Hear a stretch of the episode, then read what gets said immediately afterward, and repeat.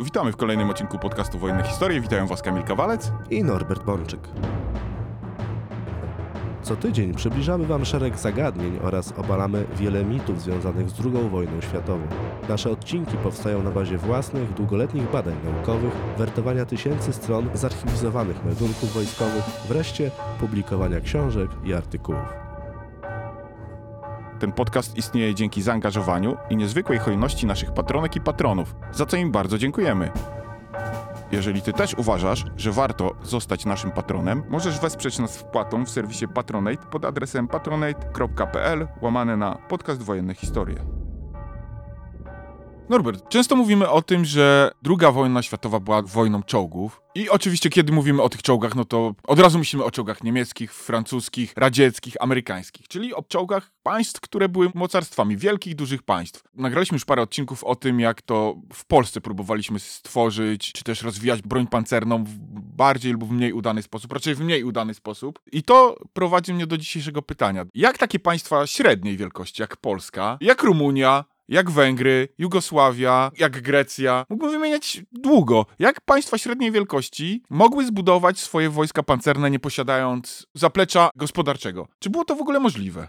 No cóż, Kamilu, można by powiedzieć, że nie mogły. To znaczy, właśnie kwestia zaplecza przemysłowego jest absolutnie kluczowa i determinuje stopień zaawansowania technicznego sił zbrojnych określonego państwa. To znaczy, jeżeli nie masz własnego przemysłu ciężkiego, nie masz własnego przemysłu zbrojeniowego, to twój kraj twoi decydenci, twoje siły zbrojne będą reagować z opóźnieniem na najnowsze trendy w dziedzinie zmian w uzbrojeniu. Czyli właśnie kwestia posiadania własnego zaplecza przemysłowego była kluczowa nie tylko zarówno w czasie II wojny światowej, jak i dziś, ale właściwie można by powiedzieć, że zawsze była kluczowa nie tylko jeśli chodzi o budowę potencjału, ale również jeśli chodzi o możliwość szybkiej reakcji na zmieniające się warunki gry, na zmieniające się warunki pola walki, na przemiany techniczne i technologiczne w dziedzinie uzbrojenia. I czołgi w czasie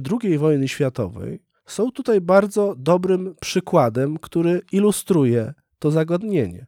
Jak słusznie zauważyłeś, istniało w Europie kilka dużych państw o charakterze mocarstw przemysłowych. Największym mocarstwem przemysłowym Europy była wówczas w czasie II wojny światowej i w okresie ją poprzedzającym Rzesza Niemiecka. Obok Niemiec bardzo silne były Związek Radziecki, Wielka Brytania i Francja. Stosunkowo dobrze rozwinięty przemysł ciężki posiadały również Włochy. Do tego paradoks silny przemysł ciężki posiadała Czechosłowacja. To wynikało z faktu, że Czechy były przed I wojną światową arsedałem monarchii, austriackiej monarchii Habsburgów. W związku z czym po rozpadzie cesarstwa austriackiego największe zakłady przemysłowe tego dawnego mocarstwa europejskiego znalazły się na terytorium Czech i Czechosłowacja międzywojenna była przez to państwem absolutnie nietypowym, niereprezentatywnym dla ogółu. Dlatego, że najpierw były takie państwa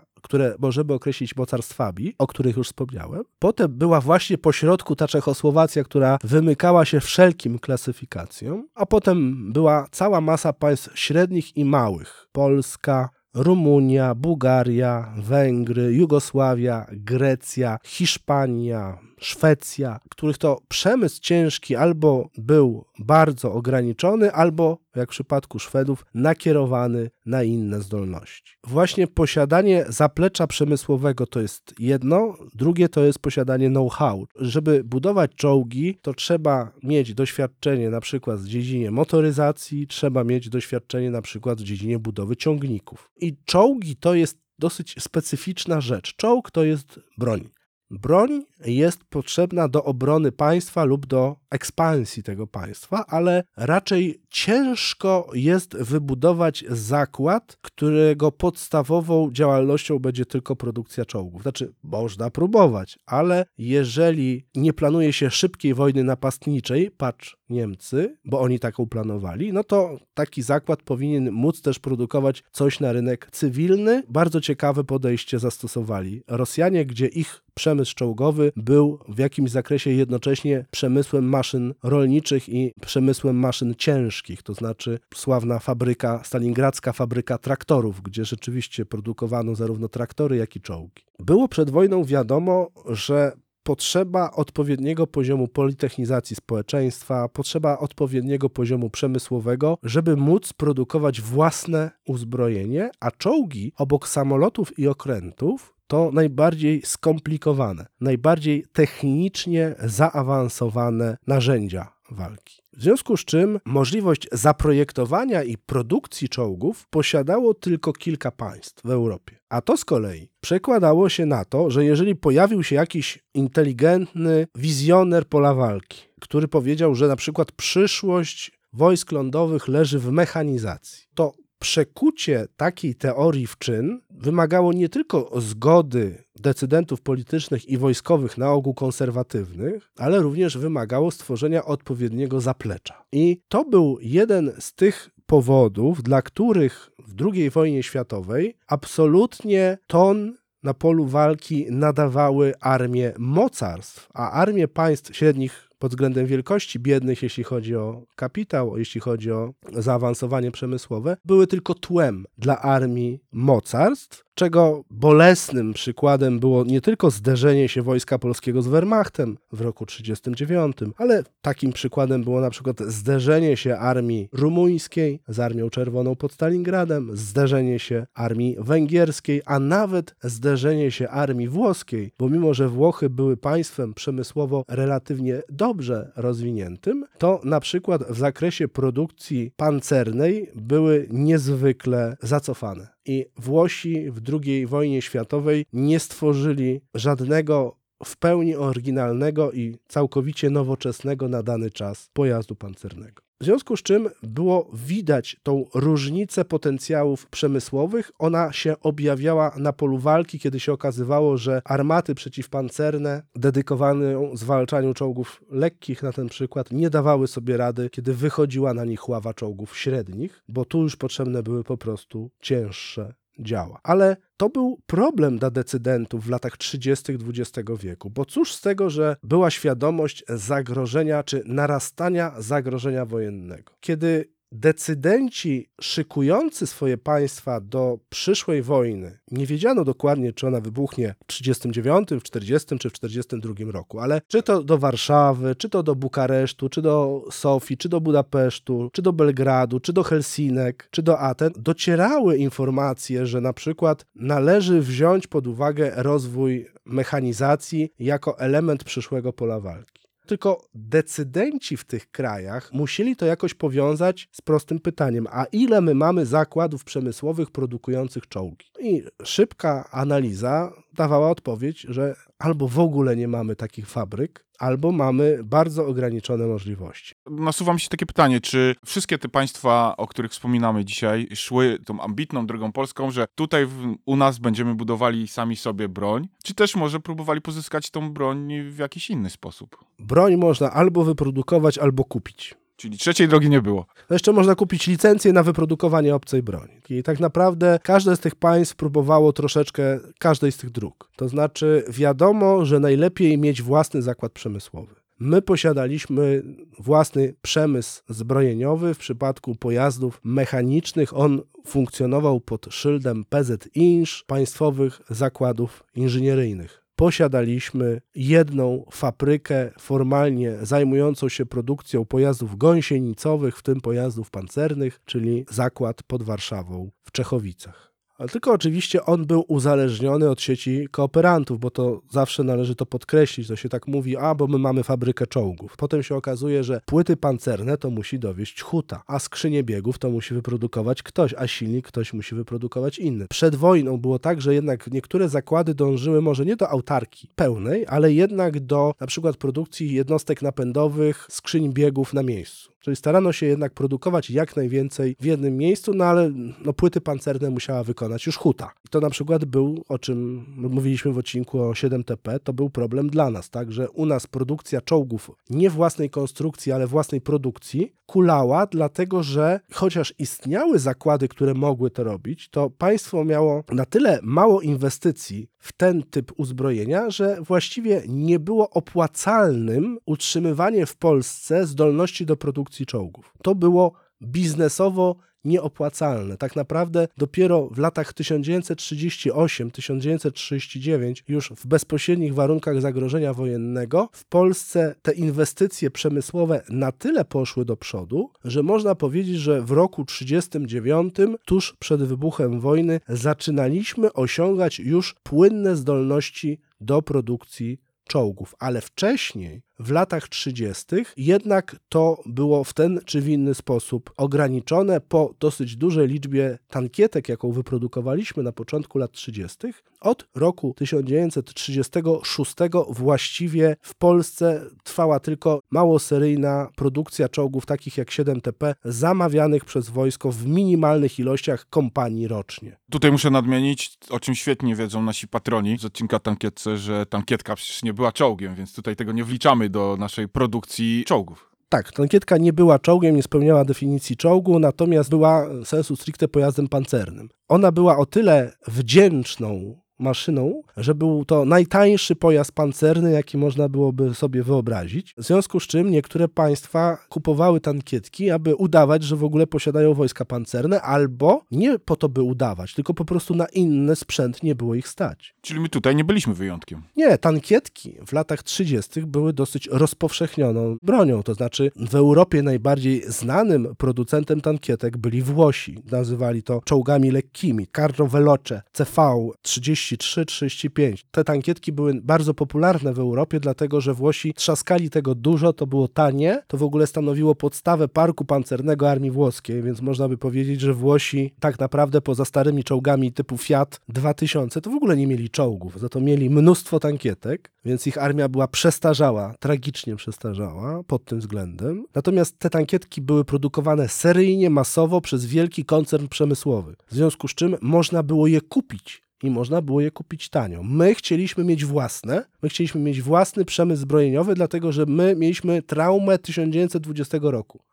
Wtedy nie mieliśmy przemysłu zbrojeniowego, a Zachód, na przykład niechętni nam Niemcy, strajkujący dokerzy w Gdańsku, zamykane linie kolejowe przez Czechosłowację, odcinało nas to dostaw zaopatrzenia z Francji, którym walczyliśmy z bolszewikami. Więc mając tą traumę, przez cały okres międzywojenny w Polsce starano się budować, rozbudowywać własny przemysł zbrojeniowy według zasady umiesz liczyć, licz na siebie. Tylko, że my mieliśmy chęci, gorzej było z wykonaniem, ale jednak rozbudowywaliśmy ten przemysł i byliśmy państwem, które miało ambicje samodzielnej produkcji czołgu. To w latach 30.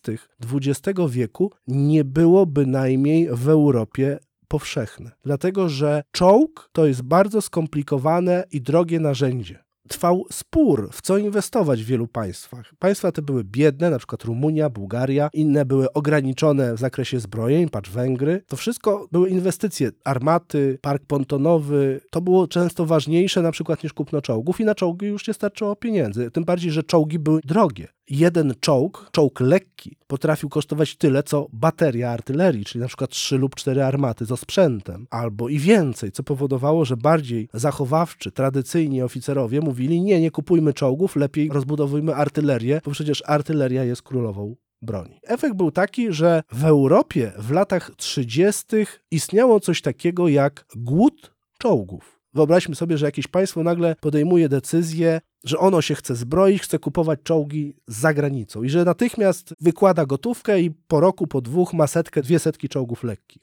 Tak, nie było. Bo przecież mieliśmy te państwa mocarstwowe, wielkie państwa, Francja, Wielka Brytania, Niemcy. One produkowały całe masy czołgów. Czy nie można było od nich kupić? No właśnie, niekoniecznie. Może po kolei spójrzmy na ojczyznę czołgu, na Wielką Brytanię. Brytyjczycy mieli dosyć specyficzną politykę eksportową, jeśli chodzi o wyroby, w tym czołgi. Otóż, jeżeli jakiś model czołgu został przyjęty na uzbrojenie armii brytyjskiej, to właściwie eksport tego czołgu był niemożliwy. Brytyjczycy bowiem uważali, że najlepsze czołgi powinny znajdować się na uzbrojeniu tylko ich armii. Ale Wielka Brytania to również ojczyzna biznesu oraz miejsce, gdzie wówczas znajdowało się wiele potężnych zakładów przemysłu ciężkiego, które dosyć ostro narzekały na skalę zakupów, jakie czyniła brytyjska armia, bo ta skala była po prostu mizerna. W związku z czym Brytyjczycy z jednej strony mówili, że chcą mieć najlepsze czołgi dla swojej armii, ale niekoniecznie kupowali je w ilościach, które czyniłyby całe tego typu inwestycje opłacalnymi. W związku z czym brytyjskie firmy zbrojeniowe, a zwłaszcza firma Vickers, na własną rękę konstruowała różnego rodzaju pojazdy pancerne, oferując je potem na eksport do różnych krajów. I właśnie ta aktywność firmy Vickers była istotna, żeby w ogóle w wielu państwach zaprezentować, wdrożyć po raz pierwszy w historii nowe konstrukcje pancerne. Wielka wojna pozostawiła po sobie mnóstwo czołgów Renault FT, czołgów lekkich francuskich, które były dostępne za niewielkie pieniądze i wiele państw, nawet małych, takich jak na przykład państwa nadbałtyckie, posiadało pewną liczbę czołgów tego rodzaju. Natomiast to były już czołgi uważane w latach 30. za przestarzałe. Szukano czegoś nowego, ale jednocześnie szukano czegoś niedrogiego. Nie dawało się często tego pogodzić, ale Brytyjczycy mieli właściwie ofertę, która mogła zaspokoić oczekiwania klienta, który miał mały portfel oraz taki z trochę większym portfelem. Dwie brytyjskie konstrukcje.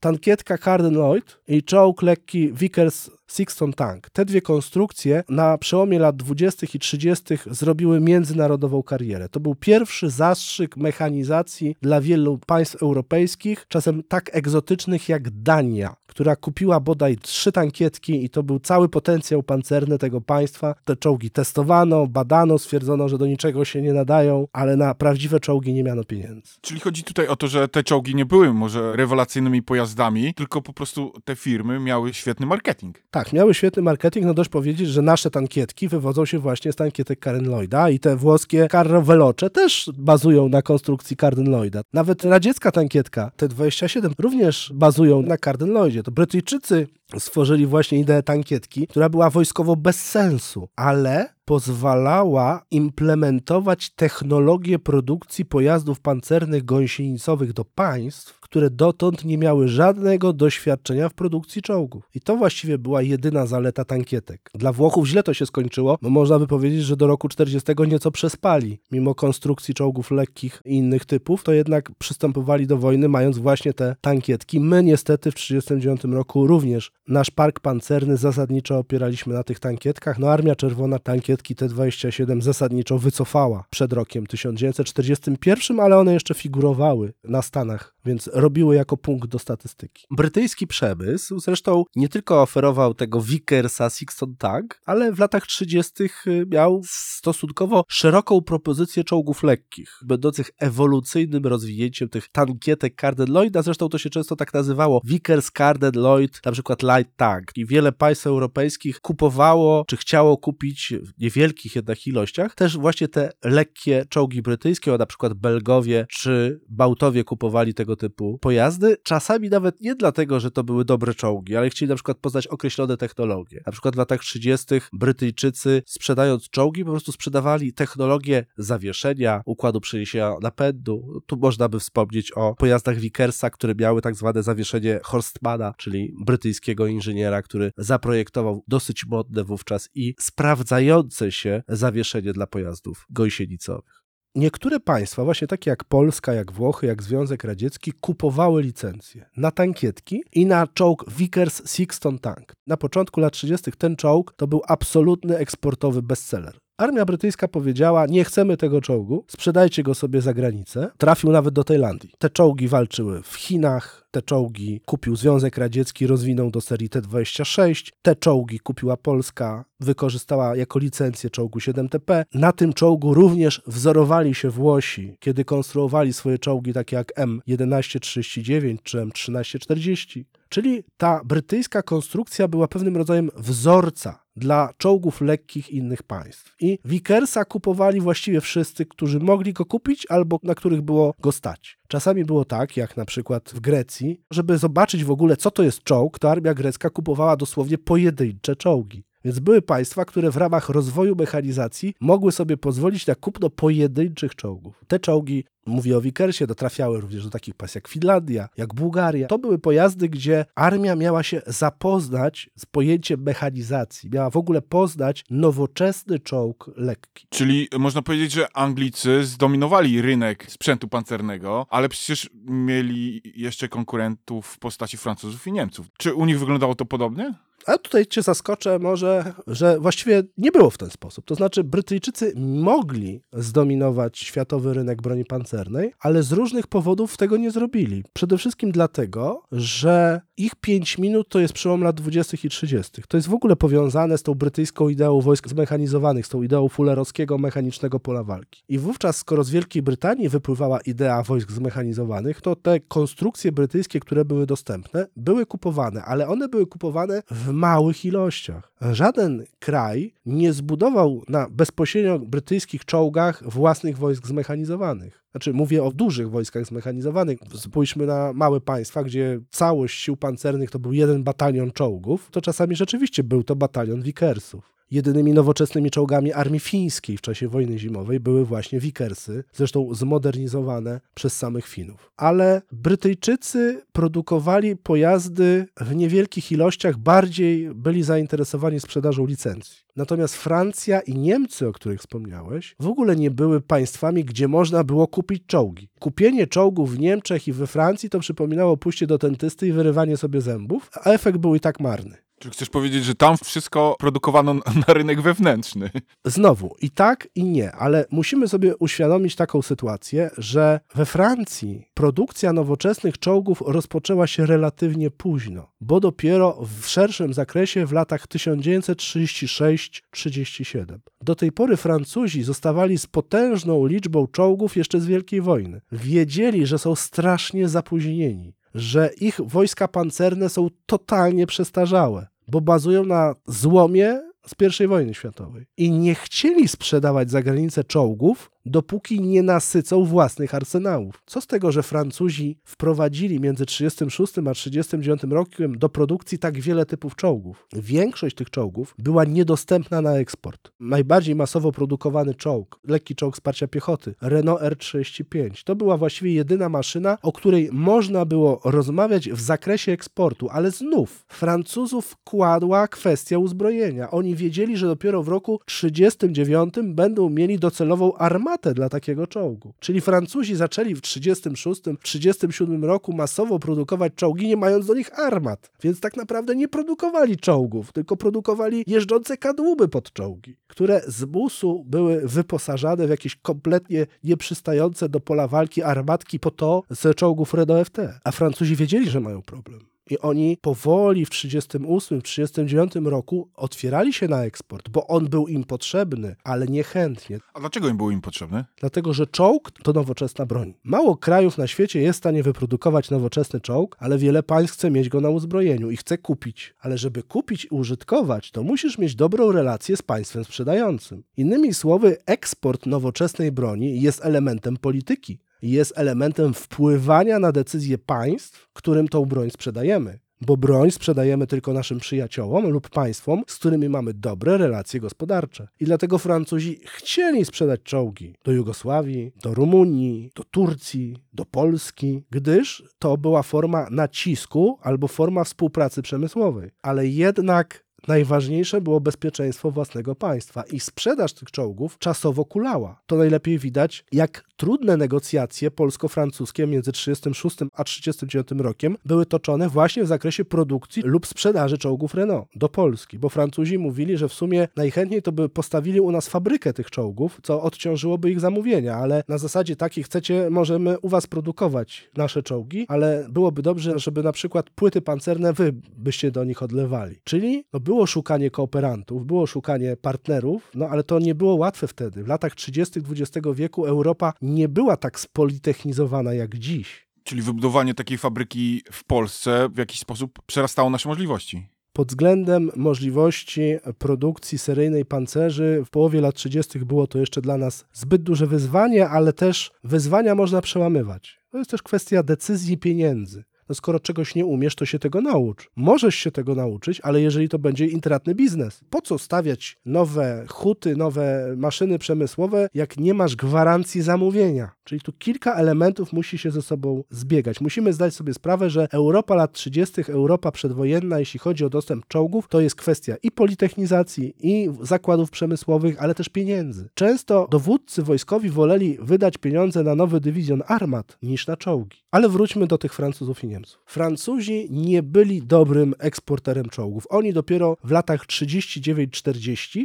w niewielkim zakresie rozwinęli eksport swoich lekkich czołgów, kiedy mieli już świadomość, że ich podstawowe potrzeby w zakresie uzbrojenia tego rodzaju są już zaspokajane i dlatego na przykład czołgi Renault R35 trafiły do Jugosławii. W tych gorących, burzliwych latach 36, 37, 38 Francja, podobnie jak Wielka Brytania, nie były dobrym adresatem, do którego można było pójść i poprosić o kupno czołgów. A co z Niemcami? Powiedziałeś, że uzbrojenie jest narzędziem prowadzenia polityki i budowania sojuszy. No to Niemcy mieli paru potencjalnych kandydatów, którym mogliby sprzedać swoje czołgi. Czy tak robili?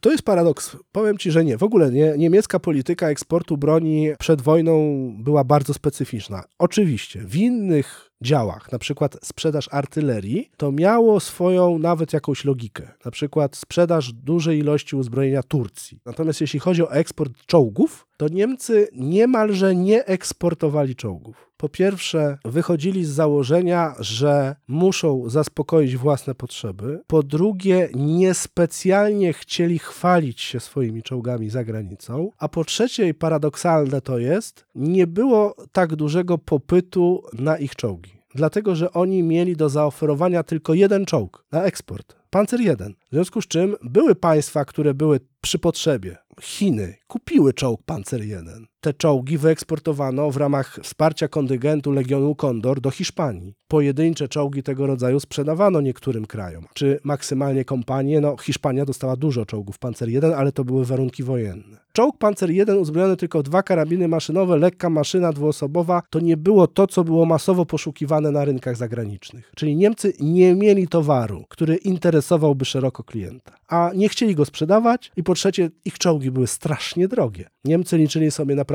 bardzo drogo, a i tak wszystko sprzedawali w barterze. Musiała być jakaś atrakcyjna dla nich wymiana handlowa, żeby w ogóle taki czołg sprzedać. W związku z czym ani Niemcy, ani Brytyjczycy drugiej połowie lat 30. po tej erze Vickersa i tankietki Carden Lloyd nie były to już państwa, które masowo sprzedawałyby czołgi państwom europejskim. Związek Radziecki również nie był tutaj istotnym graczem. On niektórym państwom, na przykład Turcji, sprzedawał swoje czołgi lekkie, innym sprzedawał w ramach wsparcia wojennego, ale za złoto do Hiszpanii, ale również sprzęt radziecki nie był źródłem masowego eksportu, tym bardziej, że takie państwa jak Jugosławia, Bułgaria, Rumunia, Grecja czy choćby Finlandia to nie były państwa, gdzie Związek Radziecki szczególnie chciał sprzedawać swoje czołgi. I na tym tle wybija się właśnie rola Czechosłowacji. To Czesi byli państwem przed II wojną światową, które nie tylko mogło najszybciej i najtaniej zaoferować czołgi lekkie, to było państwo, które mogło zaoferować najlepsze czołgi. Czeskie czołgi były po prostu uznawane za najlepsze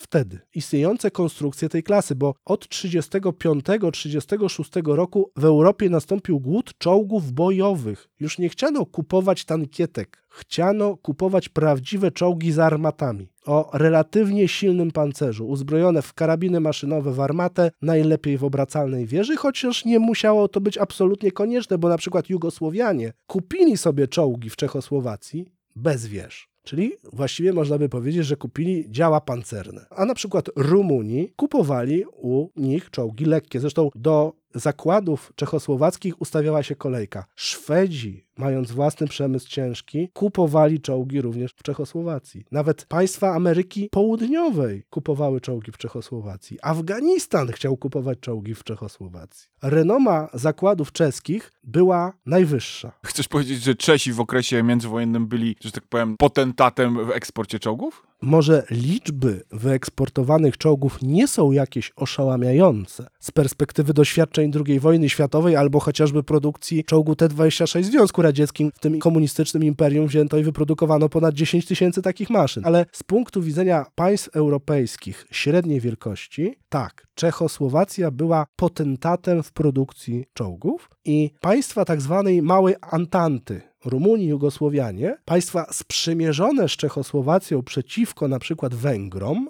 kupowali w Czechosłowacji dobre, sprawdzone czołgi. Czołgi takie jak LT-35, a potem LT-38 w różnych wersjach trafiły nawet, tak jak powiedziałem, do Ameryki Południowej. Ale przecież Niemcy w roku 1939 zajęli Czechosłowację. Czy ten strumień czechosłowackich czołgów nagle przestał płynąć do Europy?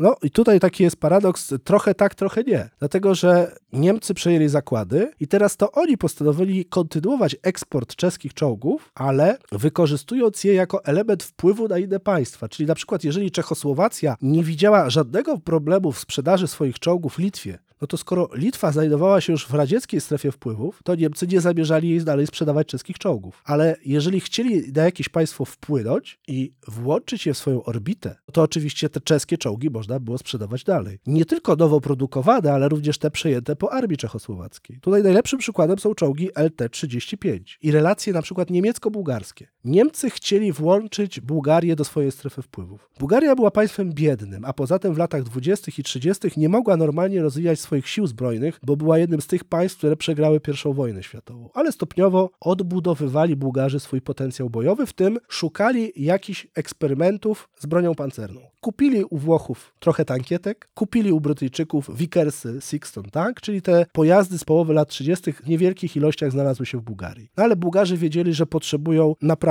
nowoczesnych czołgów, czyli czołgów lekkich. I dopiero po upadku Czechosłowacji Niemcy sprzedali partię 36 czołgów LT-35 Bułgarom. Część to były pojazdy, które przejęli po armii czechosłowackiej, część to w ogóle była partia czołgów takich T-11, które pierwotnie w ogóle w Czechosłowacji zamówił Afganistan. I Afganistan tych czołgów nie dostał, bo Niemcy położyli na nich rękę i potem sprzedali je Bułgarom. To było istotny element właśnie wpływania politycznego i gospodarczego na inny kraj. Rumuni, Bułgarzy, Węgrzy czy Jugosłowianie, Grecy, Finowie, Duńczycy, no można wymienić wiele państw małych lub średnich, nie mieli własnej produkcji czołgów, ale wiedzieli, że czołgi są potrzebne i kupowali je za granicą. I tak jak powiedziałem, to było wąskie gardło. Od kogo możesz kupić czołgi? Na przykład my w latach 30. nie mieliśmy specjalnie poprawnych relacji z Czechosłowacją, chociaż kupowaliśmy od nich licencje na środki na przykład artyleryjskie czy na silniki lotnicze, ale na przykład na czołgi nie kupiliśmy licencji. Woleliśmy rozwijać własne na bazie konstrukcji W takiej Bułgarii czy w takiej Rumunii ten przemysł był o wiele bardziej zacofany i my jako Polska już dla Rumunów czy Bułgarów byliśmy wzorem do naśladowania.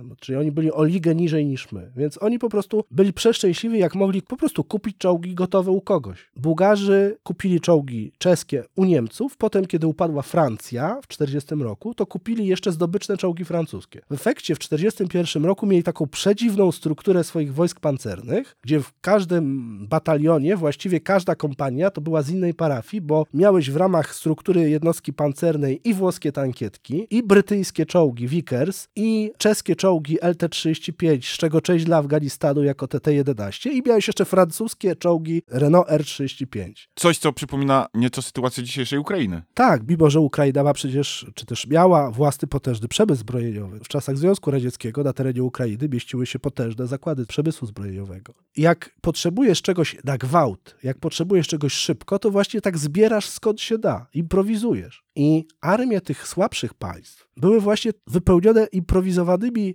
czołgami w tym sensie, że każdy batalion mógł mieć czołgi innego typu. Bułgarzy są tu świetnym przykładem, dlatego że oni w 1941 roku mieli te czołgi LT-35, te Vickersy, te Renault, te tankietki i wiedzieli, że to wszystko już jest przestarzałe, w związku z czym do roku 1943 dalej kupowali w Niemczech już wreszcie te niemieckie normalne w sensie czołgi, bo Niemcy w czasie wojny prowadzili eksport swoich czołgów na przykład do Hiszpanii, na Węgry, do Rumunii, do Bułgarii i do końca 1943 roku na przykład Bułgarzy kupili dużą partię czołgów Panzer IV, działów szturmowych Sturmgeschütz, kupili nawet partię czołgów Panzerkampfwagen 38T. Więc jak w 1944 roku armia bułgarska szykowała się już na wojnę, nie będąc potęgą pancerną, bo Bułgarzy mieli właściwie jeden związek taktyczny wojsk zmechanizowanych, to oni w tym momencie mieli bodaj 8 typów czołgów lub dział pancernych. Nie mając własnych zakładów przemysłu zbrojeniowego, musieli kombinować w ten sposób. A potem, kiedy toczyli wojnę z Niemcami, to zdobyli jeszcze trochę panter, pancerjägerów, hecerów. To w 1945 roku Park Pancerny Wojsk Bułgarskich to było marzenie każdego muzealnika broni pancernej, bo miałeś tam od tankietki CV-33 po panterę. Z drugiej strony było to przekleństwo każdego logistyka zapewne. Tak, oczywiście, więc potem stopniowo, kiedy państwa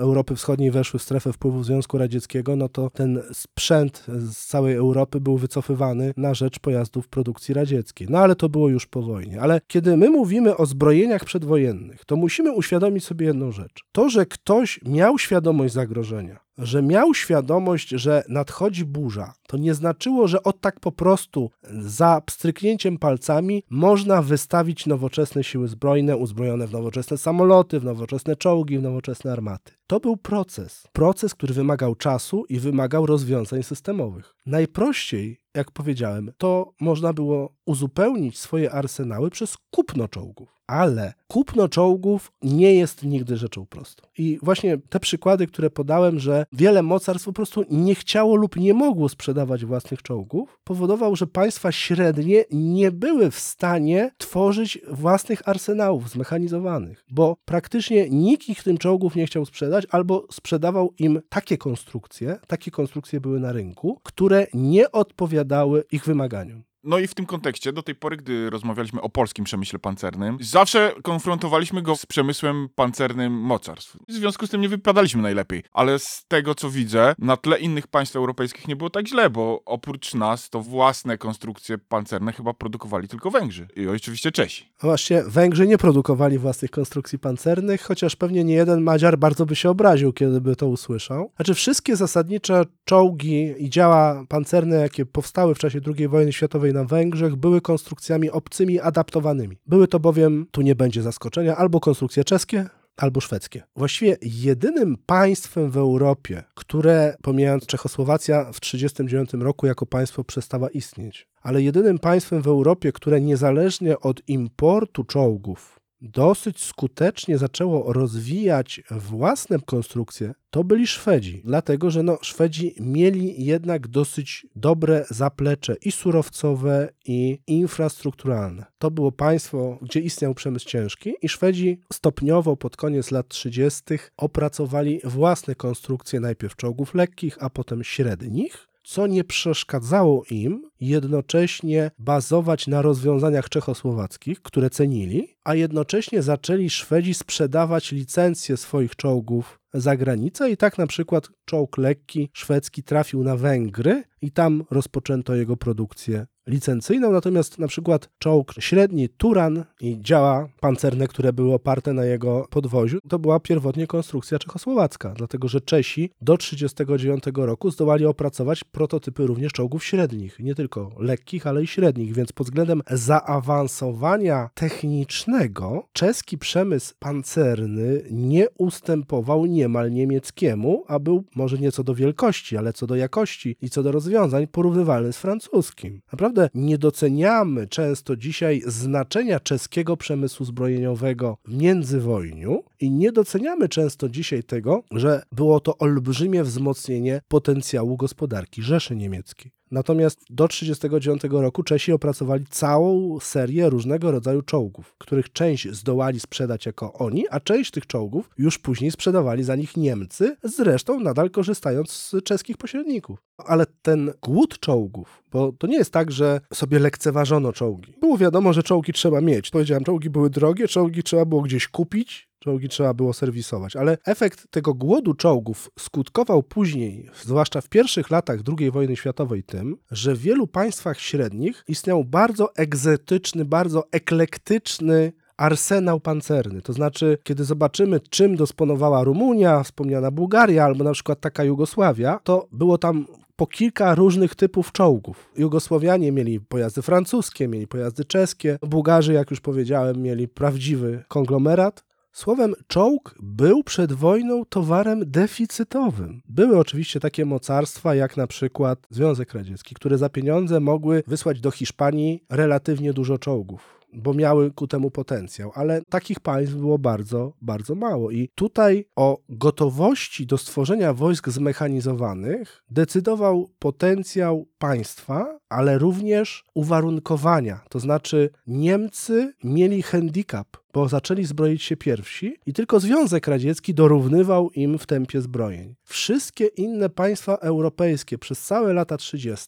musiały nadganiać w ten czy w inny sposób, w miarę swoich możliwości, ten wyścig zbrojeń dwóch totalitaryzmów. I można by powiedzieć, że w szerszym wymiarze żadne inne państwo europejskie, i to widać po czołgach, nie osiągnęło zdolności czy gotowości analogicznych do tego, jakie osiągnęły Niemcy i Związek Radziecki, gdzie odpowiednio wcześniej i celowo po prostu rozpoczęto wyścig zbrojeń z myślą o ekspansji. Wszystkie czołgi lat 30., które były w Związku Radzieckim, to są konstrukcje licencyjne, bądź brytyjskie, bądź amerykańskie. Niemcy poszli własną drogą, chociaż czołg Panzer I również w zakresie zawieszenia korzystał z elementów ciągników produkcji brytyjskiej. Kolejne czołgi niemieckie były już konstrukcjami czysto niemieckimi. To wynikało z tego, że Niemcy mieli po prostu potężny przemysł ciężki. Francuzi również posiadali możliwość produkcji dużej ilości różnych typów czołgów, ale wzięli się za to zdecydowanie za późno. I to ich w roku 1940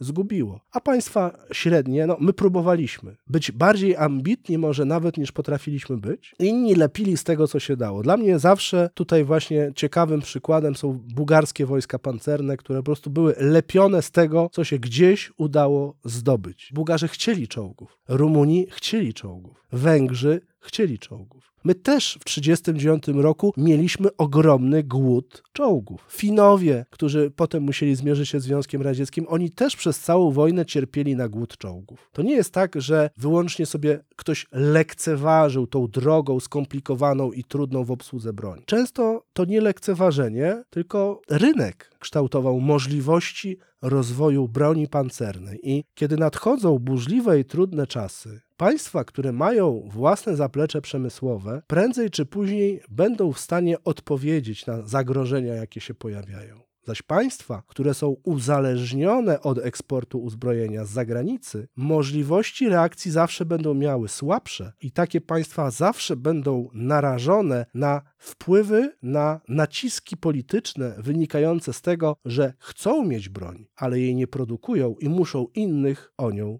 prosić. Czyli jak widać, historia zawsze się powtarza, że te wydarzenia są w pewnym sensie uniwersalne, co mam wrażenie wybrzmiało z dzisiejszego odcinka, za który Ci Norbert dziękuję bardzo i do usłyszenia. Dziękuję bardzo. Dziękujemy, że byłeś z nami do końca tego odcinka. Odwiedź nas na Facebooku, Instagramie, Twitterze lub TikToku. Wszędzie tam znajdziesz nas wpisując podcast Wojenne Historie. Do usłyszenia.